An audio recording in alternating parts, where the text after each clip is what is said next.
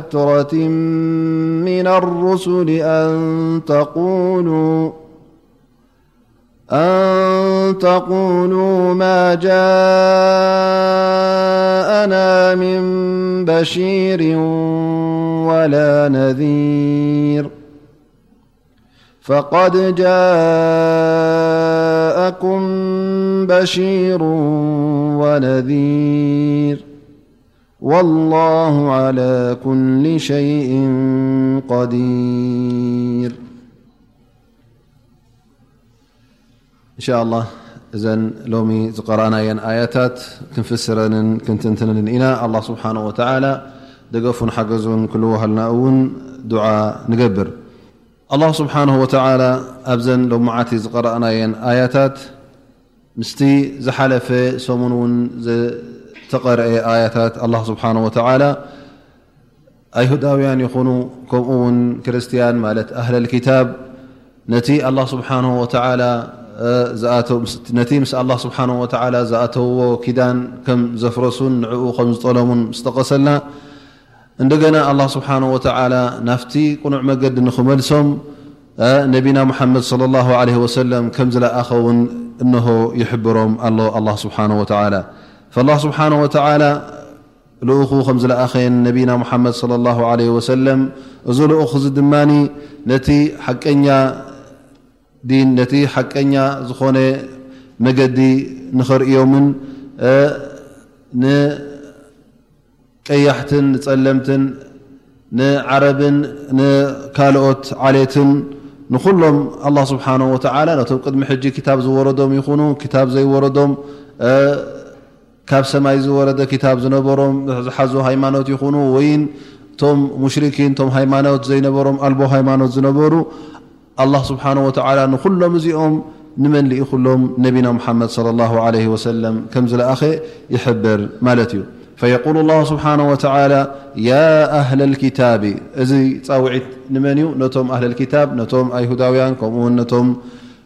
ክርስትያን ይኸውን ማለት እዩ። በዚ ጻውዒት እዚ ከዘኻኽሮምን እንደገና ውን ትእዛዝ የመሓላልፈሎም ኣሎ ማለት እዩ። ኣላህ ስብሓነሁ ወተዓላ ያ ኣህለ ልክታብ ቀድ ጃእኩም ረሱሉና እቲ ልኡኽና መፂኡኩም እዩ እቲ መልእኽትና በፂሑኩም እዩ እዚ መልእኽቲ እዚ ድማ ምስ ነቢይ ሙሓመድ ለ ላ ለ ወሰለም መፂእኩም ኣሎ እዚ መልእኽቲ ድማ ሓቀኛ ምዃኑ ንክትርድኡ እንተ ኮንኩም ወይ እውን ከም መርትዖ ጭቡጥ መርትዖ ሒዙ ከም ዝመፀ ውን ክበርሃልኩም እተ ኮይኑ እዚ ልእኹ እዚ ኣላ ስብሓን ወተላ ዝለኣኾ እንታይ ሒዙ ዩ መፅኢ ዘሎ ዩበይኑ ለኩም ከራ ምማ ኩንቱም ትኽፉነ ምና ልክታብ ወያዕፉ ዓን ከር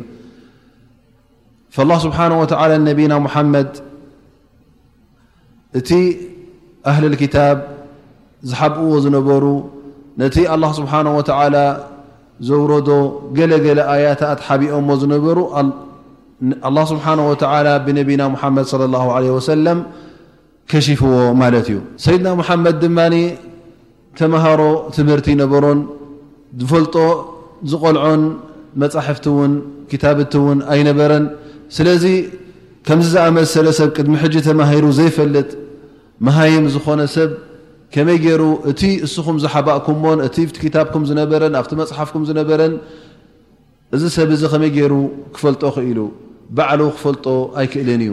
ግዴታ እዚ ሰብ እዚ ካብ ኣላህ ስብሓነሁ ወተዓላ መልእኽቲ ከም ተመሓላለፎ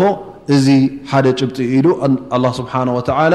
ነቢና ሙሓመድ ሰለላሁ ዓለይሂ ወሰለም መልእኽቶም ጭብጢ ከም ምዃኑ ነቶም ኣህለል ኪታብ የብርሃሎም ኣሎ ማለት እዩ። ፈላህ ስብሓነሁ ወተዓላ ነቲ ኹሉ ዝለወጥዎን ነቲ ኹሉ ዝነከይዎን ከም ድላዮም ዘእትውሉን ዝንክይሉን ዝነበሩ ክታቦም ነቢና ሙሓመድ صለ ላሁ ዓለ ወሰለም እንታይ እንታይ ከም ዘእተውሉን እንታይ እንታይ ከም ዘጠፋፍኡን ነቢና ሙሓመድ صለ ላሁ ዓለ ወሰለም ኣብሪህሎም እዩ ግን እቲ እሶም ዝገበርዎ ምጥፋእ ብዙሕ ስለ ዝነበረ ኣላ ስብሓን ወተላ እውን ወያዕፉ ዓን ከር ኢሉ ማለት እዩ ማለት እቲ ነቢና ሓመድ ለ ላ ለ ወሰለም ዝኸሸፍዎ ጌጋታትኩም ኩሉ ኣይኮነን እቲስኹም ዝገበርኩሞ ጌጋታት ብዙሕ እዩ ነይሩ እቲ ስኹም ዘእተኹሞ ብኢደ ወነንኩም ኣብቲ ክታብኩም ማእለያ ዘይብሉ እዩ ነይሩ ግን ነቢና መሓመድ صለ ه ሰለም ገለ ካብኡ ኣብርህልኩም ኣሎ በቲ ኣላ ስብሓን ወተላ ዝሃቦ ኣፍልጦ ስለዚ ወያዕፉ ዓን ከር ብዙሕ እውን ሸለል ኢልዎ ምኽንያቱ ንኽግለፅ ንኽንገር እውን ኣድላይ ስለ ዘይኮነ ኣላህ ስብሓነሁ ወተዓላ ነዚ ጉዳይ እዚ እውን ኣብ ክታብ ቁርኣን ኣይጠቐሶን። ስለዚ እቲ እስኹም ብኢደ ወነነኹም ዘእተኹሞ ቀሊል ኣይነበረን፣ ብዙሕ እዩ ነይሩ። ኣነቢ ሰለላሁ ዓለይሂ ወሰለም ገለ ካብኡ ኣብሪህዎ፣ መብዝሕቱ ግን እቲ ኣላህ ስብሓነሁ ወተዓላ ሸለል ኢልዎ፣ ምኽንያቱ እዚ ኣድላዪ ስለ ዘይኮነ ንኽኽሸፍ ማለት እዩ። ሓደ ካብኡ እንታይ ነይሩ እታ ናይ ረጅም ማለት ሓደ እንተ ብሸሪዓዊ ዓቕዲ ሰብኣይ ይኹን ጓል ንሰይቲ ኮይና ተመርዓው እተ ነሮም ኮይኖም እንተ ሓደ ካብኣቶም ተጋግዩ ኣብ ናይ ዝምውና ግብሪ እንተ ወዲቑ ኣብቲ ሸሪዓ ናቶም እንታይ ነይሩ እዚ ከም ዝኣመሰለ ሰብ ክቕተል ከም ዘለዎ ብእምኒ ክድብደብ ከም ዘለዎ ማለት እዩ ሓደ ግዜ ናብ ነቢና ሙሓመድ صለ ላه ለ መፅኦም ንኽፈርዶም ማለት እዩ ያ ረሱላ ላ ኢሎም ያ ሙሓመድ ከምዝን ከምዝን ዝገበሩ ኣለዎ ሞ ስኻ እንታይ ትፈርዶም ኢሎም ፈነቢ صለ ላه ለ ወሰለም ኣብታ ክታብኩም እንታይ ኣላ ኢሎም ሓቲቶሞም ማለት እዩ ሕጂ ንዓኣ ንኸጠፋፍኡ ኣብቲ ክታቦም ንዓ ካልእ ትርጉም ሂቦም ኣብ ክንዲ እቲ ግቡእ ውሳነን እቲ ግቡእ ፍርድን ብኣላ ስብሓን ወተዓላ ተፈረድዎ እቲ ናይ ምድብዳብ ዝብል መቕፃዕቲ ንዕኡ ደምሲሶም ካልእ ዓይነት ስለ ዘእተውሉ ነዚኣ ሕጂ ከንብብዋ ከለዎ ኣብ ግዜ ኣብ ቅድሚ ነቢና ሙሓመድ ስለ ላሁ ለ ወሰለም ሓሊፎማ ማለት እዩ ብኢዶም እውን ሸፊኖማ ንነቢና ሙሓመድ ስ ሰለም ናትናስ ከምዝን ከምዝን እዩ ዝብል ኢሎም ተዛሪቦም ግን ነቢ صለ ላሁ ዓለይሂ ወሰለም እዛ ጉዳይ እዚኣ ኣብታ ክታቦም ከም ዘላ ባዕሎም ነዛ ጉዳይ እዚኣ ካልእ ትርጉም እናሃቡ እናደምሰሱ እናሸፈኑ ይሓልፍዋ ከም ዘለዉ ነቢ صለ ላሁ ዓለይሂ ወሰለም ኣብሪሆምሎም ማለት እዩ ሊዛሊክ እብኒ ዓባስ ይብል መን ከፈረ ብረጅሚ ፈቀድ ከፈረ ብልቁርን ምን ሓይث ላ የሕተስብ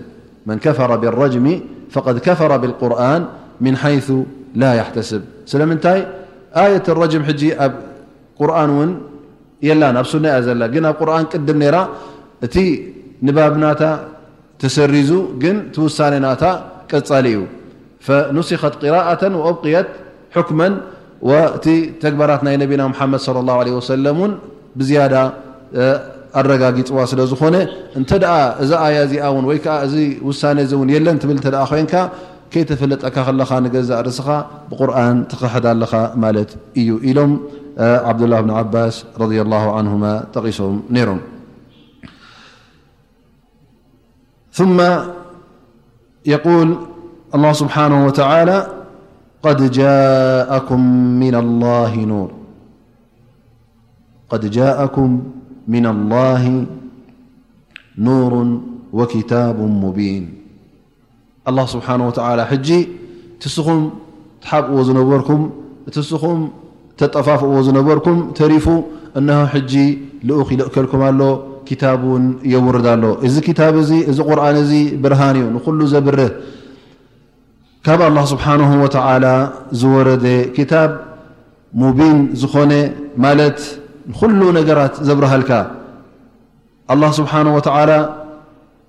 እቲ ዘድልየካ ብዛዕባ ናይ እምነት ብኣላ ስብሓን ወተዓላ ተኣምኖ ንኡ የብርሃልካ ኣላ ስብሓን ወተዓላ ሓደ ምዃኑ ዘይወልድ ዘይውለድ ምዃኑ ኣስማቱን ተግባራቱን ግልፅታቱን እቲ ኣላ ስብሓን ወተዓላ እውን ዝደልዮ ውሳኔታት ደንብታት ሸሪዓ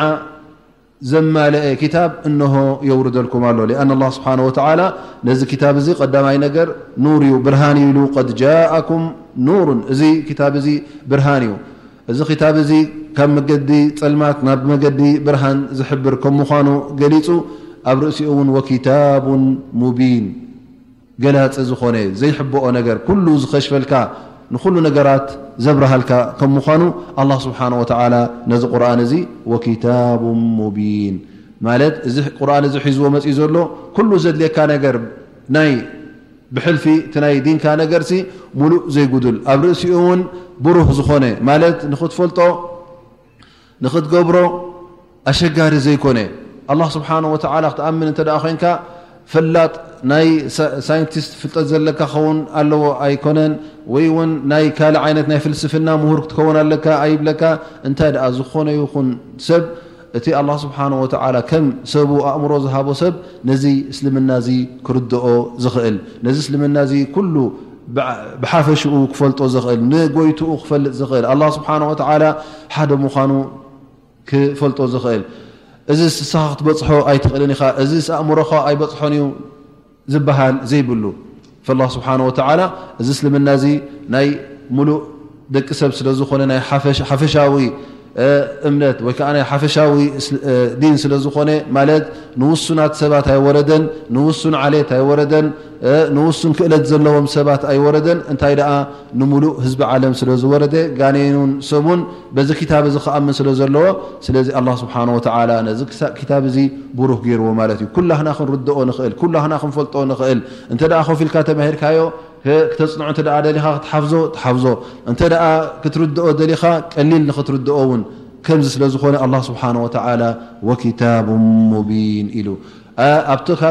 ካልእ ሃይማኖት እንተ ኮይንና መጽሓፍ ቅዱስ መን እዮም ዝርድእዎ ዝበሃል ኩሉ ግዜ ቀሺ ክኸውን ኣለዎ፣ ጳጳስ ክኸውን ኣለዎ፣ ከምዚ ዝኣመሰለ ተምሃሮ ክኸውን ኣለዎ እምበር ዝኾነ ሰብ ክርድኦ ኣይክእልን ይብሉኻ ማለት እዩ።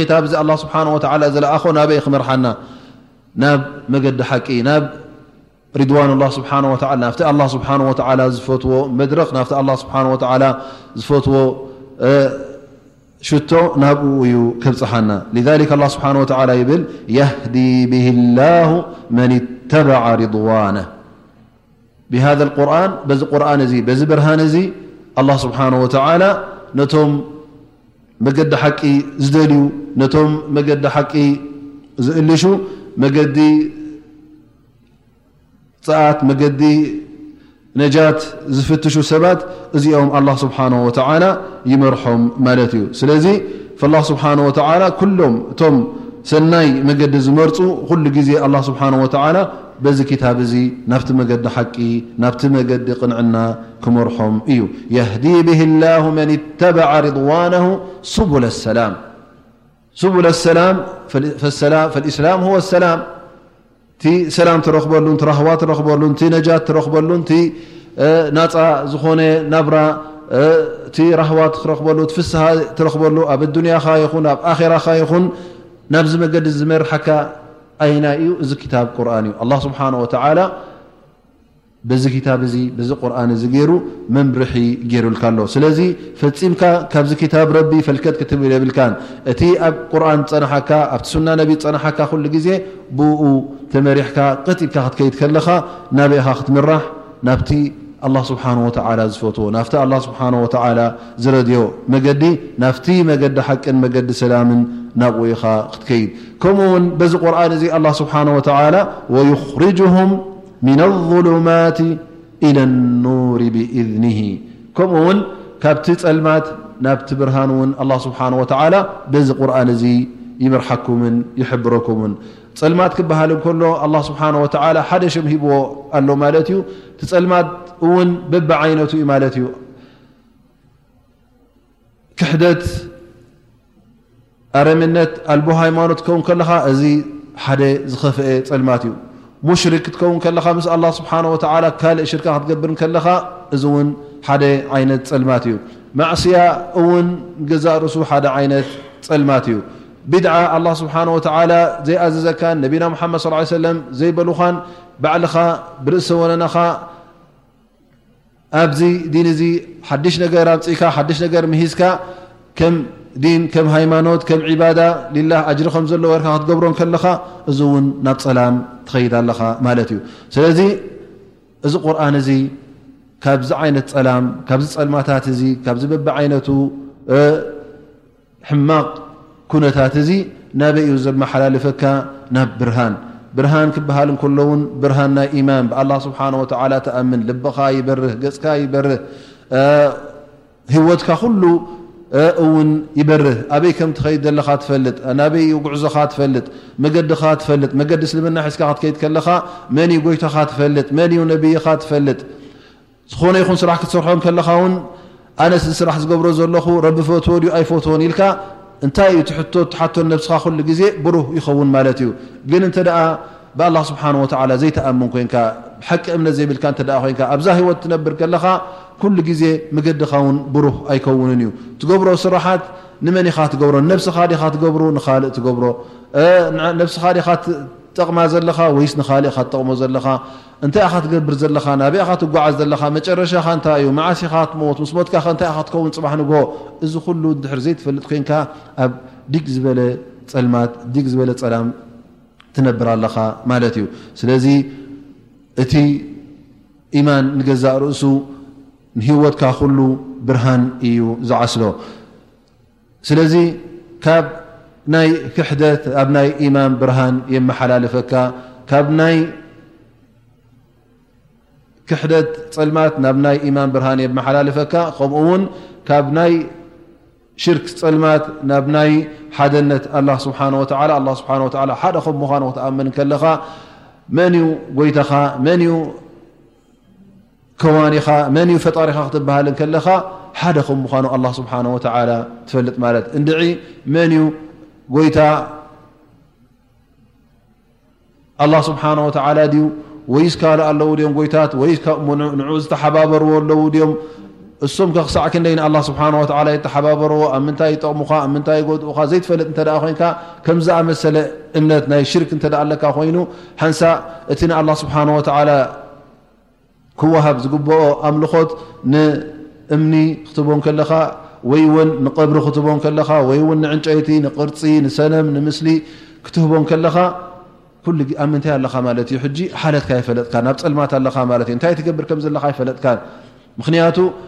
ኣይበርሃልካን ኣሎ ማለት እዩ ተዝበርሃልካ ነይሩ እቲ ናይ ብሓቂ ጎይታኻ መን ከም ምዃኑ ምተረኣየካ ነይሩ እሱ ድማ ኩሉ ኣምልኾት ምሃብካያ ነርካ ስለዚ ካብዚ ጸልማት እዚ እውን ናብቲ ናይ ሓደነት ጎይታ ኣላ ስብሓን ወተላ ሓደ ከም ምዃኑ ዝመርሓካ መን እዩ እዚ ኣላህ ስብሓን ወተዓላ ዘውረዶ ክታብ ይኸውን ማለት እዩ ከምኡ እውን ናይ ሱና ነቢና ሙሓመድ ስለ ላሁ ለ ሰለም ሒዝካ ንኽትከይድ ዝመርሓካ ኣየና እዩ እቲ ኣላ ስብሓን ወተዓላ ዘውረዶ ክታብ ወማ ኣታኩም ረሱሉ ፈክዙ ወማ ነሃኩም ዓንሁ ፈንተሁ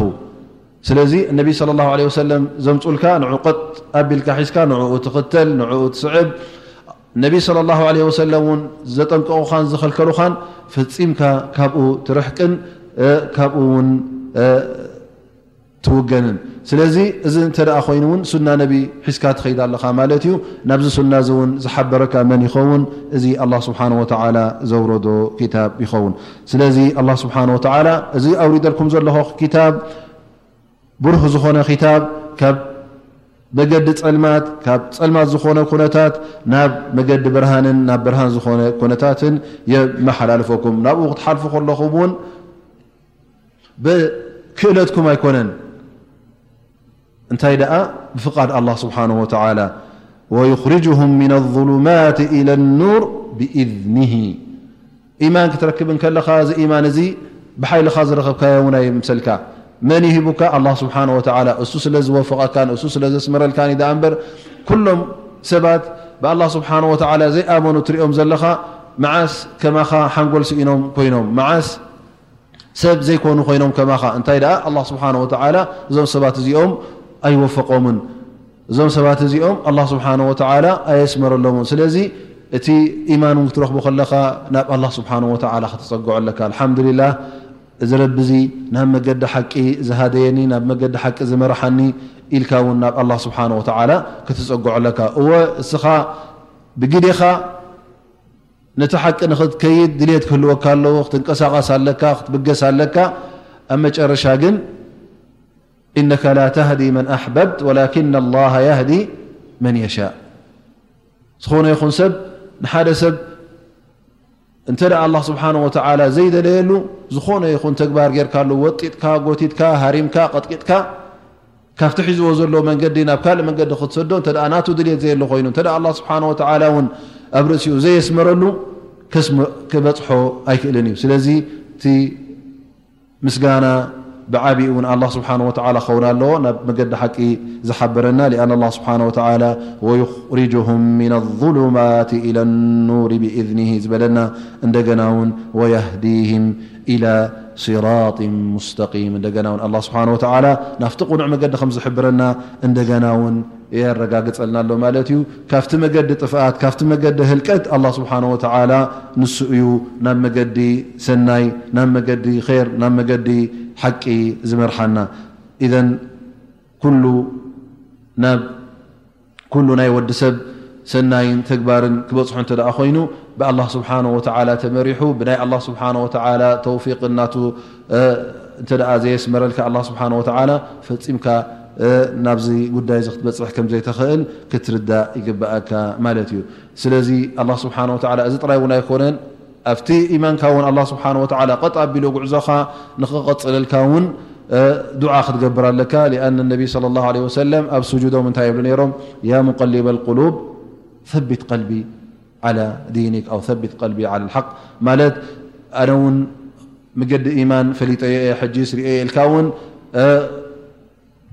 ናብ ነብስኻ ክትጽጋዕ እውን የብልካን። እንታይ ደኣ ኩሉ ግዜ ንኣላህ ስብሓነሁ ወተዓላ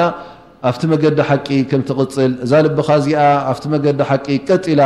ኣብኡ ን ክትቅጽል እውን ዱዓ ክትገብር ኣለካ። ምስ ኣላህ ስብሓነሁ ወተዓላ እውን ርክብካ ክትርርን ክብርትዕን ይግባእ።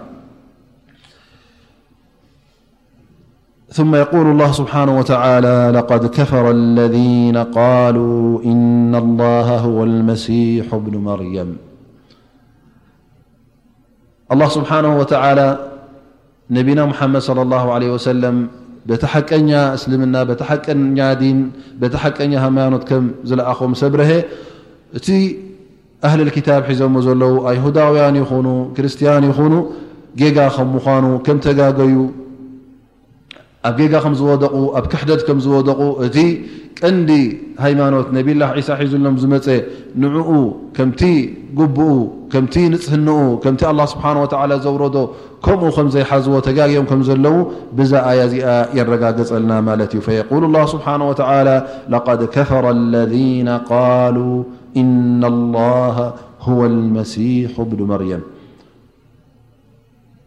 እቶም ሰይድና ዒሳ ዒሳ ብኒ መርየም ማለት የሱስ ክርስቶስ ጎይታ እዩ ኣላህ እዩ ዝበሉ እዞም ሰባት እዚኦም ክሒዶም እዮም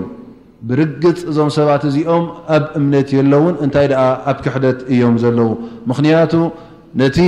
ወዲ ሰብ ከም ጎይታ ገይሮም ከም ኣምላኽ ገይሮም ሪኦም እቲ ንኣላህ ስብሓን ወተዓላ ዝግባእ ንወዲ ሰብ ስለ ዝሃብዎ እዚ ሰብ ድማ ዒሳ ብኒ መርየም ወዲ መርየም ኩሉ ሰብ ዝፈልጦ ዝነበረ ኣላህ ኢሎም ዝኣምንሉ ዘለዉ እዞም ሰባት እዚኦም በዚ እምነቶም እዚ ከሓድቲ እዮም ኢሉ ኣላህ ስብሓነሁ ወተዓላ ናቱ ውሳኔ የመሓላልፈልና ኣሎ ማለት እዩ። ምኽንያቱ ዒሳ ብኒ መርየም ሓደ ካብቶም ባሮት ኣላህ ስብሓነሁ ወተዓላ እዩ፣ ከወዲ ሰብ ከምኡ እውን ወዲ ሰብ እዩ። ኣላህ ስብሓነሁ ወተዓላ እውን። ፍልይ ዝበለ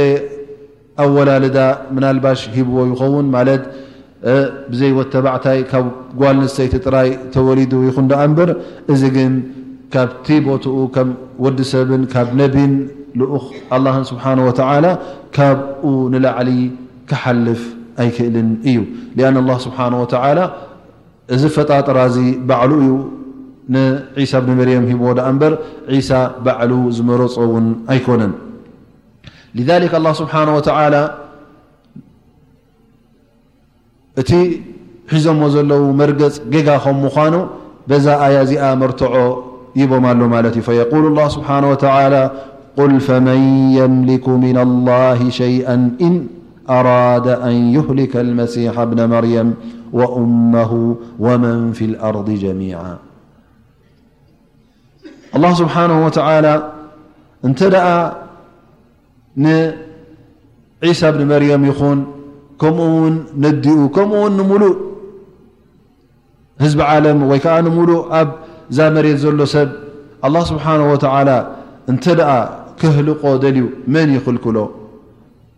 ሃል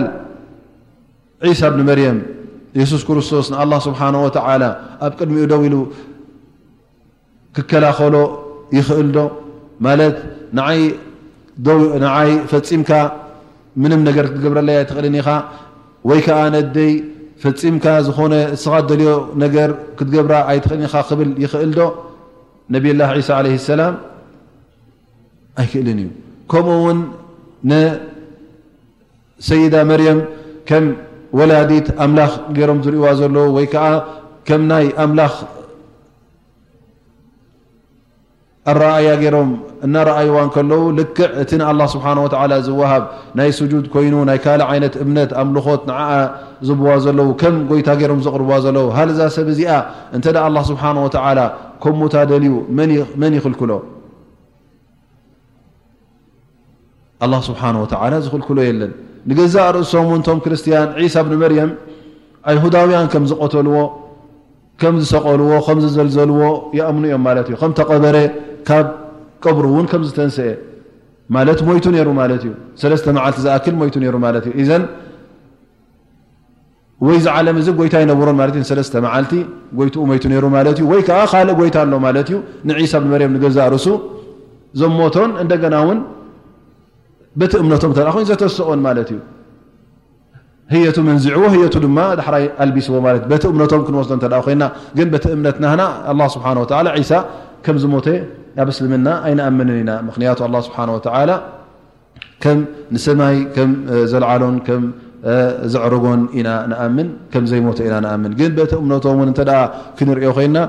እዞም ሰባት እዚኦም ከም ዝሞተ እንተ ይኣምኑ ኮይኖም እንተ ሞይቲ ዝብሉ ኮይኖም ኣላ ስብሓን ወተላ እውን እዚ ነገር ዝክገብር እተ ኮይኑ ከመይ ጌርካ ንዝመውት ኣላ ኢልካ ተኣምነሉ ላ ስብሓን ወተላ እቲ ናይ ምህላቅ ጉዳይ ናይ ህየት ጉዳይ ነዛ ኣብ ሰማይን ኣብ ምድርን ዘሎ ከም ድላዩ ክገብሮ ዝኽእል ከም ድላዩ እውን ዝገብሮ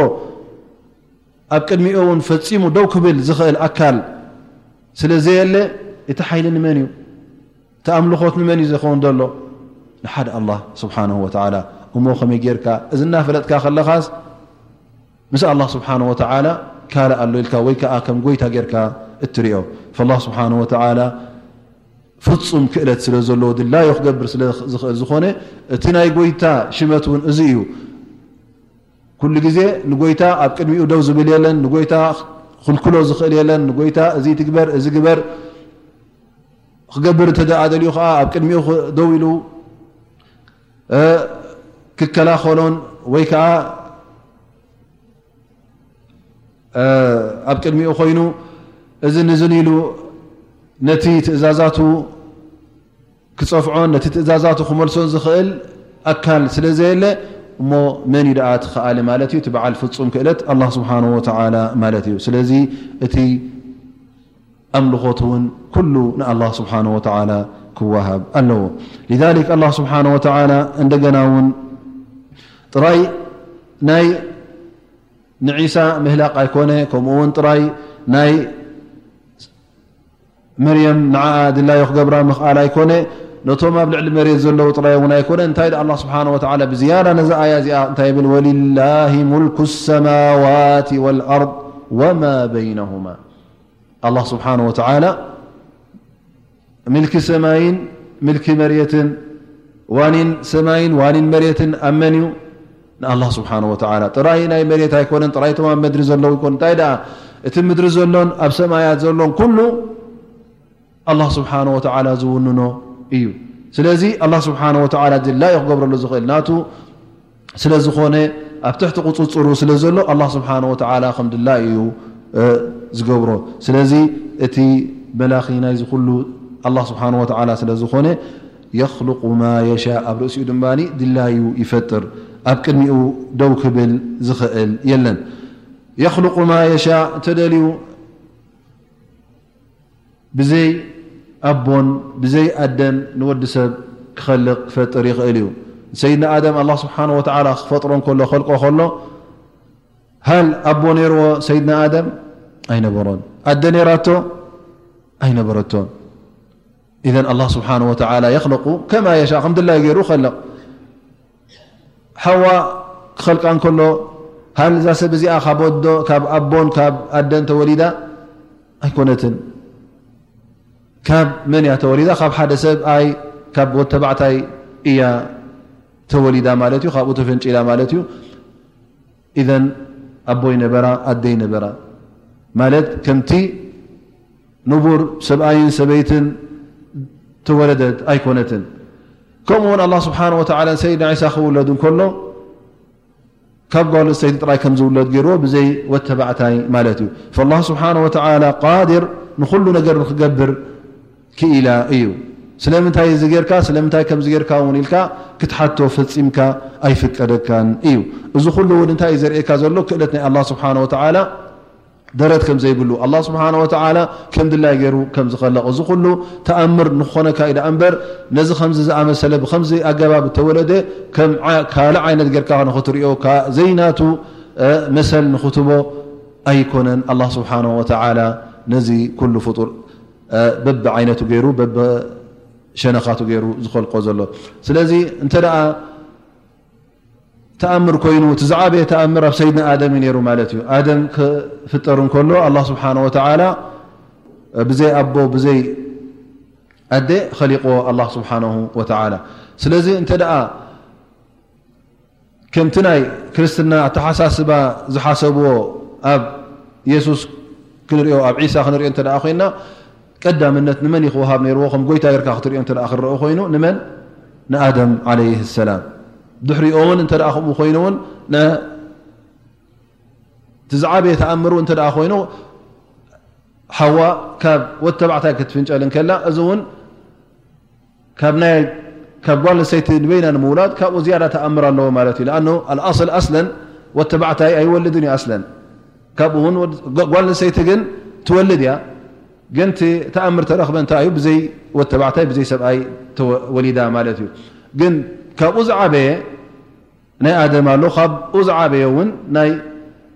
ሰይድናስትና ሓዋ ናይ ሓዋ ኣሎ ማለት እዩ ስለዚ እንተ እዚ ከም መስረጂ ክንጥቀመሉ እተ ኮይና ብዘይ ኣቦ ተወለደ ብተኣምር እተወለደ ፍልይ ዝበለ ኣምልኾት ክህልዎ ኣለዎ እተ ክንብል ኮይና ወይ ከዓ ከም ወዲ ጎይታ ከም ወዲ ኣምላኽ ገርና ክንሪኦ እተ ኮይና ቀዳምነት ንመን ክንህብ ነይሩና ንኣደም ወሓዋ ክንህብ ነይሩና ማለት እዩ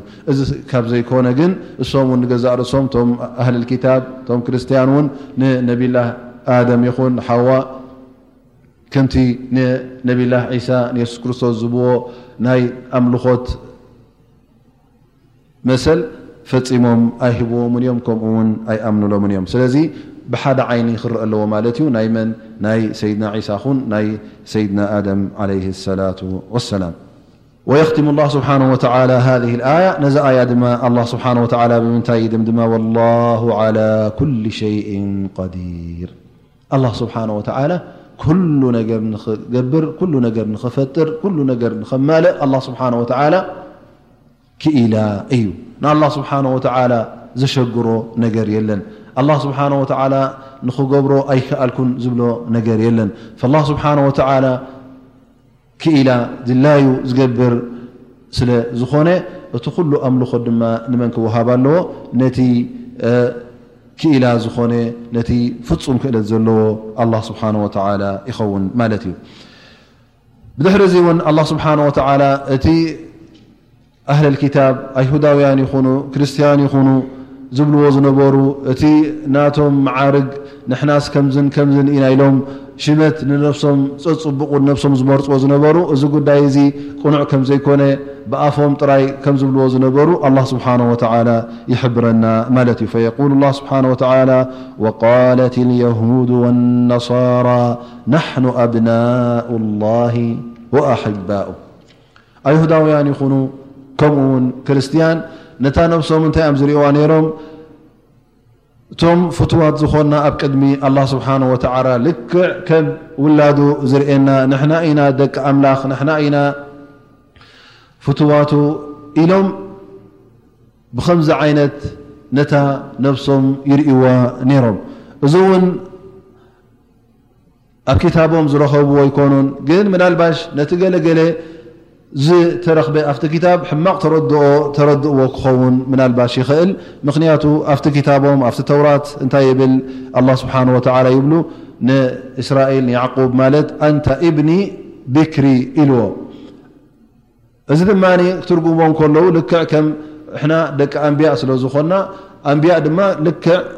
እንታይ እዮም ዝቕፀሩ ኣላ ስብሓን ወተዓላ ደቂ ኢኹም ስለ ዝበሎም ንሕና ሕጂ ደቂ ደቁ ስለ ዝኾንና ደቁ ኢና ኢሎም ይኣምኑ ማለት እዩ እዚ እምነት እዚ ሕጂ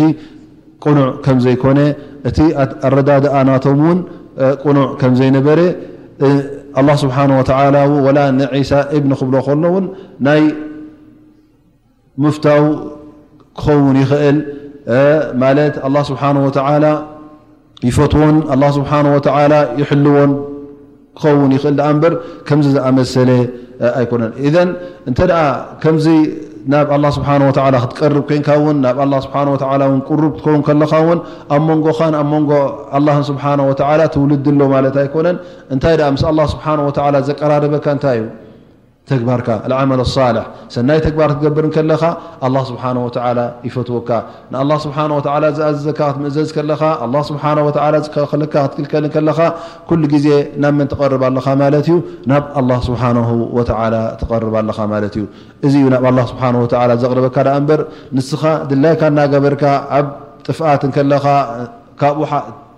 ዝያዳ ድማ ሽርካ እናገበርካ ከለኻ ምስ ኣላ ስብሓን ወተዓላ እሞ ኣነስ ኣላ ስብሓን ወተዓላ ይፈትወኒ እዩ ንሕናስ ፍትዋት ኢና ኣብ ቅድሚ ኣላ ስብሓን ወተዓላ ክትብል እንከለኻ እዚ ዘይከውን ዘረባ ይኸውን ማለት ተቐባልነት ዘይብሉ እዩ ሊዛሊክ ኣላ ስብሓን ወተዓላ ነዞም ሰባት እዚኦም እውን ይምልሰሎም ማለት እዩ ንሕና ፍትዋት ኢና ኣብ ቅድሚ ኣላ ስብሓን ወተዓላ ዝብሉ ዘለዉ ኣላ ስብሓን ወተዓላ ይብሎም ቁል ፈሊማ ዩዓዚቡኩም ብዝኑብኩም ያ ሙሓመድ ከምዚ ኢልካ መልሰሎም እሞ ኣላ ድኣ ስብሓን ወተዓላ ይፈትወኩም እንተ ደኣ ኮይኑ ከም ውላዱ ይርእኩም እንተ ኮይኑ ድኣ ስለምንታይ ኣላ ስብሓን ወተዓላ የሳቅየኩም ኣሎ ኢዘ ፈትውኩም ነሩ ተትኸውን ሓዊ ጀሃንም ኣይመእተወኩምን ነሩ ንገዛእ ርእስኹም እቶም ኣይሁዳውያን ንገዛእ ርእሶም ሓዊ ጀሃንም ከም ዝኣትዉ ይኣምኑ ነሮም ወይን ካን ንውሱን ዓመታት ኢና ወይ ከዓ ንውሱን መዓልታት ኢና ንኣትዋ ነሮ ኢና ይብሉ ነሮም ግን ኣላ ስብሓን ወተዓላ ነዞም ሰባት እዚኦም ተጋገየ ካብኣቶም ክቐጽዖ ከም ምዃኑ፣ ንእሳት ጀሃነም ከእትዎ ከም ምዃኑ ጠቒሱሎም እዩ። መገዲ ሓቂ ዝሓዘ ድማ ኣላህ ስብሓነሁ ወተዓላ ንጀና ከእትዎ ከም ምዃኑ ኣብቲ ኪታቦም ኣሎ ማለት እዩ። ኢዘን እዞም ሰባት እዚኦም ንሕና ኣላህ ስብሓነሁ ወተዓላ ይፈትወና እዩ፣ ንሕና ደቂ ኣምላኽ ኢና ዝብልዎ ዘለዉ፣ እዚ ቃል እዚ ቅኑዕ ኣይኮነን። ባዕሎም ቦግ ኣቢሎም ዝሓሰውዎ ኣላህ ስብሓነሁ ወተዓላ ዘይበሎን ኣላህ ስብሓነሁ ወተዓላ ኣብቲ ኪታብ ዘየስፈሮም ከም ምዃኑ ንነቢና ሙሓመድ ሰለ ላሁ ዓለይሂ ወሰለም ከምዚ ኢልካ መልሰሎም ይብል ፈላህ ስብሓን ወተዓላ የቁል በል ኣንቱም በሸሩ ምመን ኸለቕ ንስኹም ካልኦት ኩላኩም ኣብ ቅድሚ ኣላ ስብሓን ወተዓላ ሓደ ኢኹም ፍልልይ የብልኩም ደቂ ኣዳም ኩሎም ኣብ ቅድሚ ኣላ ስብሓን ወተዓላ ሓደ እዮም ኩሎም ባሮቱ እዮም እቲ ናብ ኣላ ስብሓን ወተዓላ ከምቲ ዝበልናዮ ቀረባ ቦታ ዘለዎ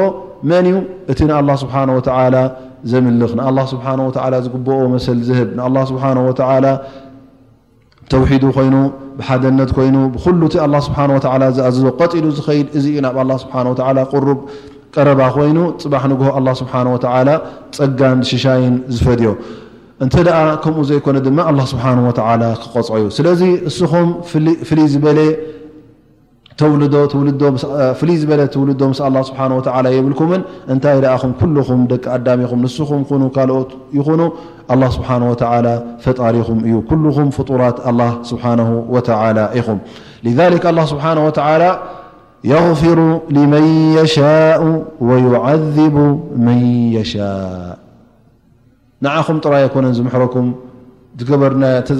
ዝገበርና እንተገበርና ክምሕረና ኢልኩም ትኣምንዎ ዘለኹም እዚ ናትኩም ድልየት ኣይኮነን ዝውስኖ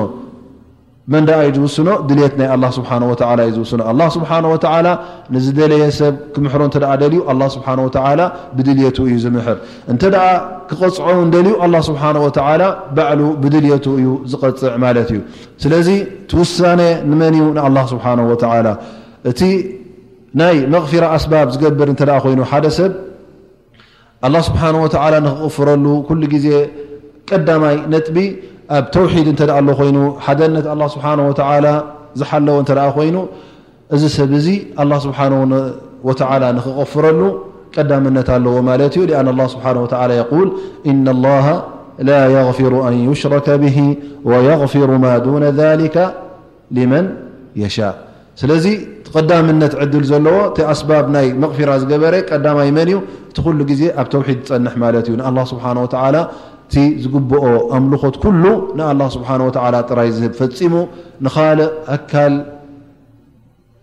ዝኾነ ይኹን ናይ ኣላ ስብሓን ወተላ መሰላት ከቕርበሉ የብሉን ማለት እዩ ስለዚ ኣብዚ እንተ ፀኒሕካ ሓደ ካብቲ ጠንቂ ናይ መቕፊራ ጌርካ ማለት እዩ ላ ስብሓን ወተላ ከምዚ ዝኣመሰለ ሰብ ክቕፍረሉ እዩ ሊኣን ኣላ ስብሓን ወተላ ፈዓሉን ልማ ዩሪድ እሱ ኢድላዩ ዝገብር ዝኣ ንበር ንሕና ኣይኮናን ንውስነሉ ንሕና ደቅኻ ኢና ስኻ ንሕና ዝቕፈረልና እዩ ንሕና ንዓና እዩ ዝመሓረና ኢልካ ከምዚ ዝኣመሰለ ኢማን ክህልወካ የብሉን ስኻ ኩሉ ግዜ እቲ ኣላ ስብሓን ወተዓላ ዝበለካ ክትገብር እንከለኻ እቲ ኣስባብ ክትገብር እንከለኻ ኣላ ስብሓን ወተዓላ በቲ ልዋሄኡ በቲ ራሕመቱ በቲ ርህራሄኡ ይምሕረካ ማለት እዩ ፈየغፊሩ ልመን የሻኡ ወዩዓذቡ መን የሻእ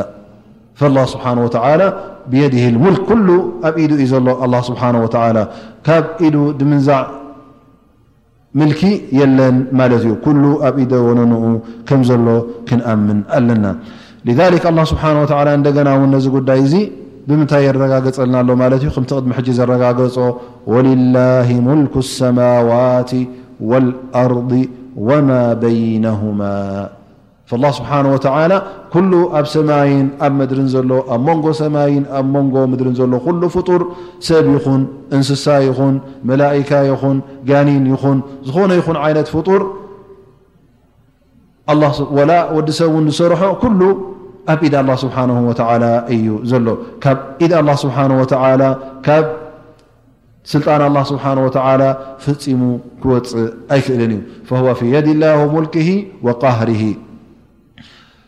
ከም እንደገና እውን ወኢለይህ መሲር ውዒልካ ሓዲርካ ውን እውን እዞም ኩሎም ተኣኻኺቦም ናበኦም ክምለሱ ናብ ኣላ ስብሓን ወተላ እዮም ክምለሱ እንተ ኣ ናብኡ ተመሊስካ ድማ ከምቲ ኣላ ስብሓን ወተላ ዝበሎ ትፍረደሉ መዓልቲ ኣሎ ማለት እዩ እቲ በዓል ሰናይ በዓል ር ኣላ ስብሓን ወተላ ር የፅናሓሉ ማለት እዩ እቲ በዓል እከይ ድማ ኣላ ስብሓን ወተላ ዓድል ስለ ዝኾነ ፍትሓዊ ስለዘኾነ ፍትሐኛ ስለ ዝኾነ እቲ ፍርዱ እውን ፈፂሙ ነዚ ኣይዕምፅ ነቲ ኣይዕምፅ እንታይ ደኣ ፍትሐኛ ዝኾነ ፍርዲ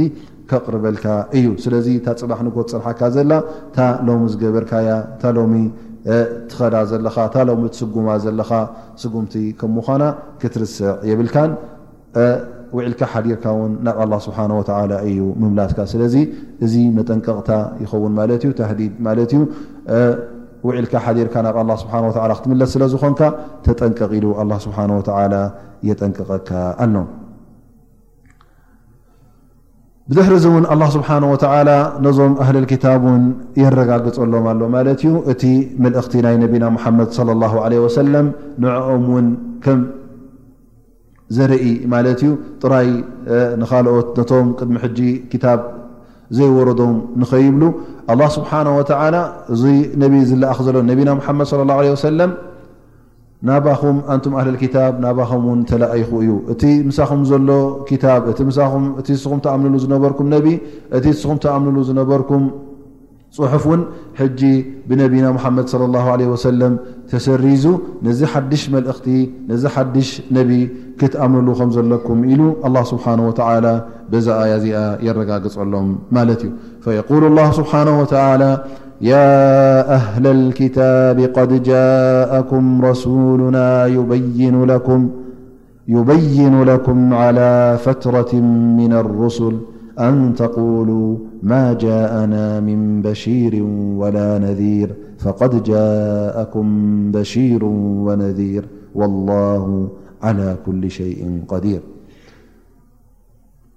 ኣላ ስብሓን ወተላ ነቢና ሙሓመድ ለ ላ ለ ወሰለም ኻተመ ኣንብያ ናይ መጨረሻ ነቢ መደምደምታ ናይቶም ዝሓለፉ ኣንብያ ከም ምዃኑ ብድሕሪኡ እውን ፈፂሙ ካልእ ነቢ ከም ዘየሎ ነዞም ሰባት እዚኦም የብርሃሎም ኣሎ ማለት እዩ ፈዚ ልኡኽ እዚ እውን ቐድ ጃእኩም ረሱሉና ዩበይኑ ለኩም እቲ ቅድሚ ሕጂ ተጋጊኹሞ ዝነበርኩም እቲ ጠፊእኩምሉ ዝነበርኩም ነጥብታት ኣላህ ስብሓነሁ ወተዓላ በዚ ነቢ ገይሩ እዚ ነቢ እዚ ልኢኹ የብርሃልኩም ኣሎ። እቲ ዝነበርኩም እቲ ዘለኹሞ ጥፍኣት ሕጂ ክተዕርይዎ እንተድኣ ኮይንኩም በዚ ነቢ እዚ ገይርኩም ኢኹም ተዕርይዎ ኢሉ ኣላህ ስብሓነሁ ወተዓላ ይሕብሮም ኣሎ። እዚ ነቢ ድማ ኣላህ ስብሓነሁ ወተዓላ ዓላ ፈትረት ሚነ ሩሱል እዩ ልኢኹዎ። ዓላ ፈትረት ሚነ ሩሱል ማለት ከኣ ድሕሪ ነዊሕ ዓመታት።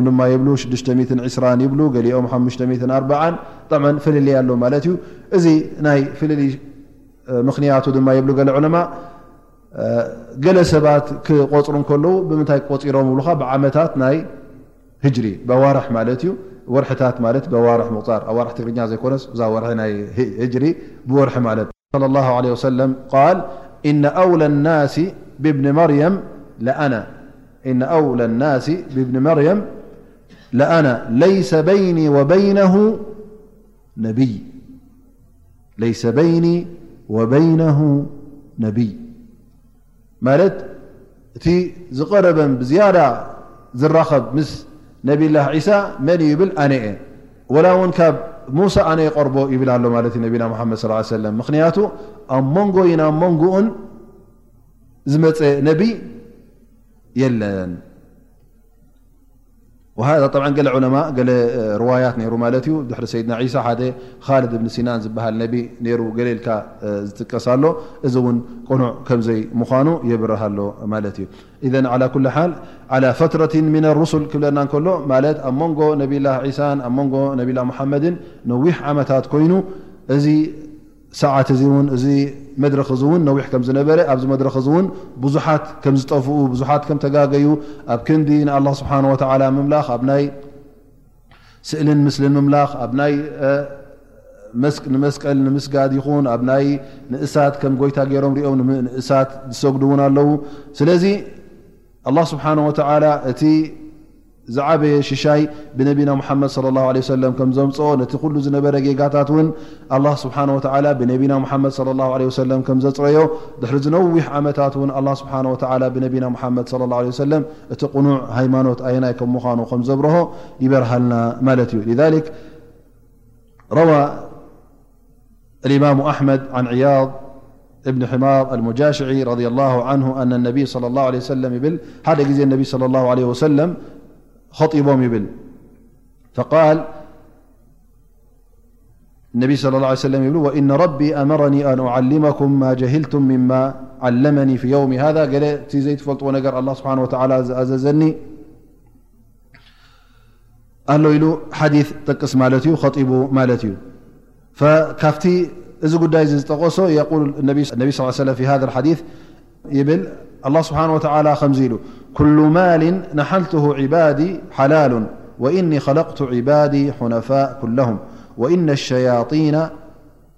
أتتهم فأضلتهم عن دينهم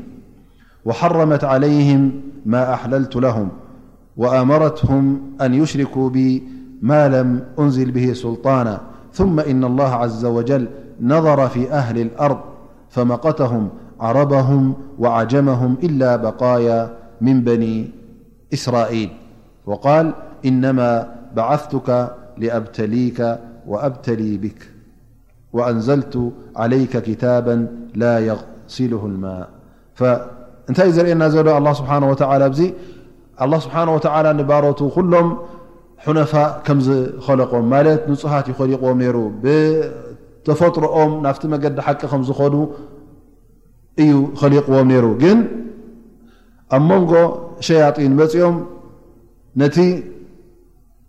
ወዲ ሰብ ካብ መገዲ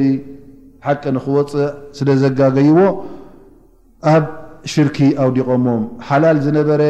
ሓራም ንክገብርዎ ኣዚዞሞም ሓሪሞሞም፣ ነቲ ሓራም ሓላል ገይሮም ነቲ ሓላል ሓራም ገይሮም ገላቢጦሞ። እዚ ኩሉ ምስ ተረኸበ እውን ኣላህ ስብሓነሁ ወተዓላ ይብል ثመ ኢነ ላህ ዐዘ ወጀል ነዘረ ማለት ኣብዚ ሓዲስ እዚ የቁል ነቢ ስ ሰለም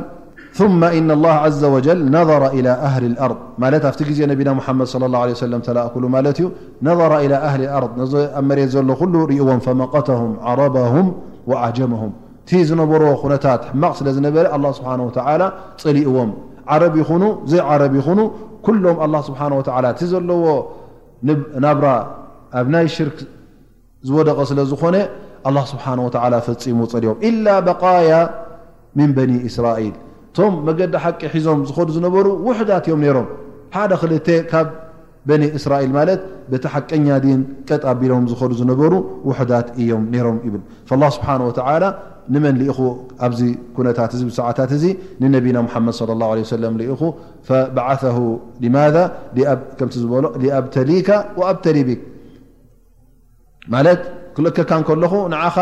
እዚ ተልእኾ እዚ ተፅዕኖ እዩ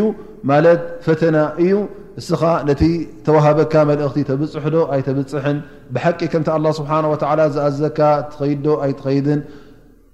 ንገዛእ ርእሱ ንዓኻ ፈተና እዩ ከምኡ ውን እስኻ እውን ነቶም ተላኣኽካዮም ትኸይድ ዘለኻ ተላኣኽካዮም ዘለኻ ውን ከም ፈተና ኢኻ ኮይንካዮም ዘለኻ እንተ ኣሚኖም ብኣኻ ክዕወቱ እዮም እንተ ክሒዶምኻ ድማ ክወድቁ እዮም ማለት እዩ ስለዚ ንገዛ ርእሱ እቲ ኢማን ብኣኻን ትኽሕደት ብኣኻን ሓደ ፈተና ስለ ዝኾነ እዚ ፈተና እዚ ወይ እቶም ዝኣምኑ ይሓልፉ ወይ ቶም ዝኸሓዱ ውን ይተርፉ ስለ ዝኾኑ ከም ፈተናን መርመራን ከም ምዃንካ እስኻ ንገዛእ ርእስኻ ትምርመር ኣለኻ ንሶም ውን ንገዛእ ርእሶም ይፍተኑን ይምርመሩን ከም ዘለዉ ኢሉ ኣላህ ስብሓን ወተዓላ ነቢና ሙሓመድ ይነግሮ ማለት እዩ ኣላህ ስብሓን ወተዓላ ነቢና ሙሓመድ ክልእኽ እንከሎ ከምዚ እዩ ነይሩ እቲ ኩነታት ማለት እዩ ግን ብነቢና ሙሓመድ صለ ላሁ ለ ወሰለም እቲ ዝነበረ ጥፍኣት እቲ ዝነበረ ሽርክ እሱ ኩሉ ጠፊኡ ማለት ነቢና ሙሓመድ صለ ላሁ ለ ሰለም ንዕኡ ንኸጥፍኡን ናብ መገዲ ብርሃን ናብ መገዲ ሓቂን ንኽመርሑን እዮም ተላኢኾም እዚ መልእኽቲ እውን ምናልባሽ ፅባሕ ንግሆ ያ ረቢ ንሕናስ ክንድዚ ዓመታት ሚትታት ዓመት ኮይኑ ኣሽሓት ዓመት ኮይኑ ንዓናስ ዘምህረና ስለ ዘይረኸብና እቶም ቅድሜና ዝነበሩ ስለ ተጋገዩ እቲ ክታብ ውን ንሕና ኣይኮናን ሓሪፍናዮ እንታይ ደኣ እቶም ቅድሜና ዝነበሩ እዮም ሓሪፎሞ እቶም ቅድሜና ዝነበሩ እዮም ብኢደወነኖም ተፃዊቶምሉ እሞ ንሕናስ ድመፃና የብልናን ንኸይትብሉ እዚ ነቢ እዚ ልኢኸልኩም ኣለኹ ኢሉ ኣላ ስብሓን ወተዓላ በዛ ኣያ እዚኣ ውን የረጋግጽ ማለት እዩ ዓላ ፈትረት ምን ኣሩስል ኣን ተቁሉ ማ ጃእና ምን በሽርን ወላ ነዚር ፅባሕ ንግሆ ንሕናስ ዝመፀና የብሉን ዘጠንቀቐና ኣይነበረን ንዓና እውን መገዲ ሓቂ ዘርኣየና ኣይነበረን ንኸይትብሉ እንሆ ነብላ ሙሓመድ ሰለላሁ ዓለይሂ ወሰለም እልእከልኩም ኣለኹ። ስለዚ እንሆ እዚ ኣበሳርን ኣጠንቃቕን ሰይደልኩም ኣለኹ። ኣላህ ስብሓነሁ ወተዓላ ድማ ኩሉ ነገር ንክገብር ፍፁም ክኢላ እዩ። ፍፁም ክኢላ ከም ምዃኑ እውን ክትኣምንሉ ኣለኩም ይብለና ኣላህ ስብሓነሁ ወተዓላ። ኣህለል ኪታብ ፅባሕ ንግሆ መካትዒ ንኸይረኽቡ፣ ንነቢና ሙሓመድ ሰለ ላሁ ዓለይሂ ወሰለም ልኢኹሎም ማለት እዩ። ነቢና ሙሓመድ ሰለ ላሁ ዓለይሂ ወሰለም እውን ኣበሳሪ፣ ነቲ መገዲ ሓቂ መሪፁ መገዲ እስልምና ሒዙ ዝኸይድ፣ ነቲ ብኦም ዝኣምን ነቢ ሰለ ላሁ ዓለይሂ ወሰለም ፅባሕ ንግሆ ብጀና የበስርዎ ማለት እዩ። እቲ ዝኣቢ እቲ መገዲ ሓቂ ዝነፀገ ድማ ኣላ ነቢ ሰለ ላሁ ዓለይሂ ወሰለም ካብታ ፅባሕ ንግሆ ትፅበዮ ዘላ፣ ሓዊ ጀሃነም መዓልቦ የጠንቅቆ ማለት እዩ ላ ስብሓን ወላ ነቢና ሙሓመድ ለ ላ ሰለም ክልእኮም እንከሎ መገዲ ሓቂን መገዲ እከይን ኣየናይ ከም ምዃኑ ንኸብርሁ ልኢኽዎም ማለት እዩ እዚ ምስ ኣብርህልና ድማ እቲ ጉዳይ ኩሉ ኣብ ዓይንና እንታይ ይኸውን ማለት እዩ ፍፁም ብሩህ ይኸውን ማለት እዩ ፈፂምና እውን ፅባሕ ንግሆ መካትዒ ኣይ ክንረክብን ኢና ንሕና ይኹን ቶም ኣህልልኪታብ ይኹኑ ነቢና ሙሓመድ ሰለላሁ ዓለይሂ ወሰለም ኩሉ ስለ ዝገለጹልና ዝገድፍዎ ነገር ስለ ዘየለ ጽባሕ ንግሆ ፈጺምና እንካታዓሉ ነጥቢ ኣብ ቅድሚ ኣላህ ስብሓነሁ ወተዓላ የለን። ኣላህ ስብሓነሁ ወተዓላ እውን ኩሉ ንኽገብር ክኢላ ከም ምዃኑ ኣብ መጨረሻ ይሕብረና ማለት እዩ። እዚ መልእኽቲ ድማ ክኢላ ክብለና እንከሎ ጽባሕ ንግሆ እንተድኣ ነቢና ሙሓመድ ሰለላሁ ዓለይሂ ወሰለም እቲ ዝኣዘዘኩምን እቲ ዝብለኩምን ተቐቢልኩም ኣላህ ስብሓነሁ ወተዓላ ብሰናይ ብመቕፊራ ብጀና ዓስብኹም ክገብሮ እዩ እንተ ኣቢኹም ድማ ጽባሕ ንግሆ እታ መቕጻዕቲ ከም ዘላትኩም ፈጺምኩም ውን ካብ ኢዱ ፈልከት ክትብሉ ከም ዘይትኽእሉ ክኢላ ስለ ዝኾነ ካብቲ ክእለቱን ካብቲ ሓይሉን ውን ፈጺምኩም ከተግሱ ስለ ዘይትኽእሉ ኣላ ስብሓን ወተዓላ በቲ ናቱ ክእለት የጠንቅቐና ማለት እዩ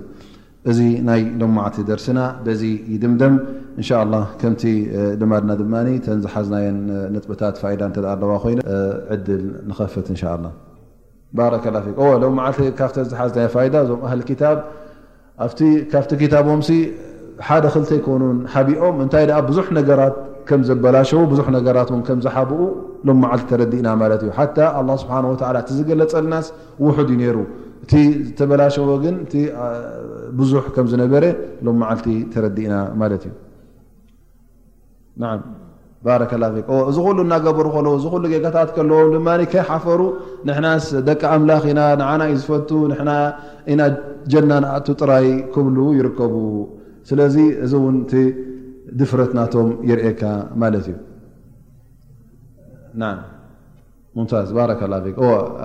ሎም መዓልቲ እውን ካብቲ ዝበርሃልና እዚ ቁርን እዚ እዚ ኣላ ስብሓን ወተላ ዘውረደልና ቁርን ብነቢና ሙሓመድ ስለ ላ ለ ሰለም ዝመፀና ብርሃን ከም ምዃኑ ንዑ ተኸትለ ድማ ኩሉ ግዜ ኣብ መገዲ ሓቂ ከም ዘሎ ቀፂሉ እውን ሲራጥ ሙስተቂም ከም ዝሓዘ ትኽ ዝበለ መንገዲ ከም ዝሓዘ በሪሁልና ኣሎ ካብኡ ዘልገሰ ድማ ናብ ጥፍኣትን ናብ ሕማቕ ኣካይዳን ከም ዘሎ ተረዲእና ይብል ማለት እዩ ካብቲ ዝሓዝናዮ ነጥብታት ድማ ይብል እቶም ክርስትያን ነቲ ንኣላ ስብሓን ወተዓላ ክወሃብ ዝግባእ መሰል ናይ ኣምልኾት መሰል ማለት እዩ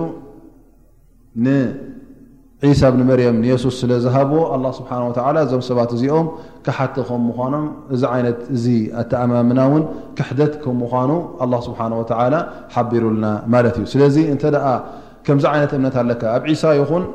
ኣብ ሙሳ ይኹን ኣብ ሙሓመድ ይኹን ኣብ ዓሊ ይኹን ኣብ ፋጥማ ይኹን እንተ ደኣ ከም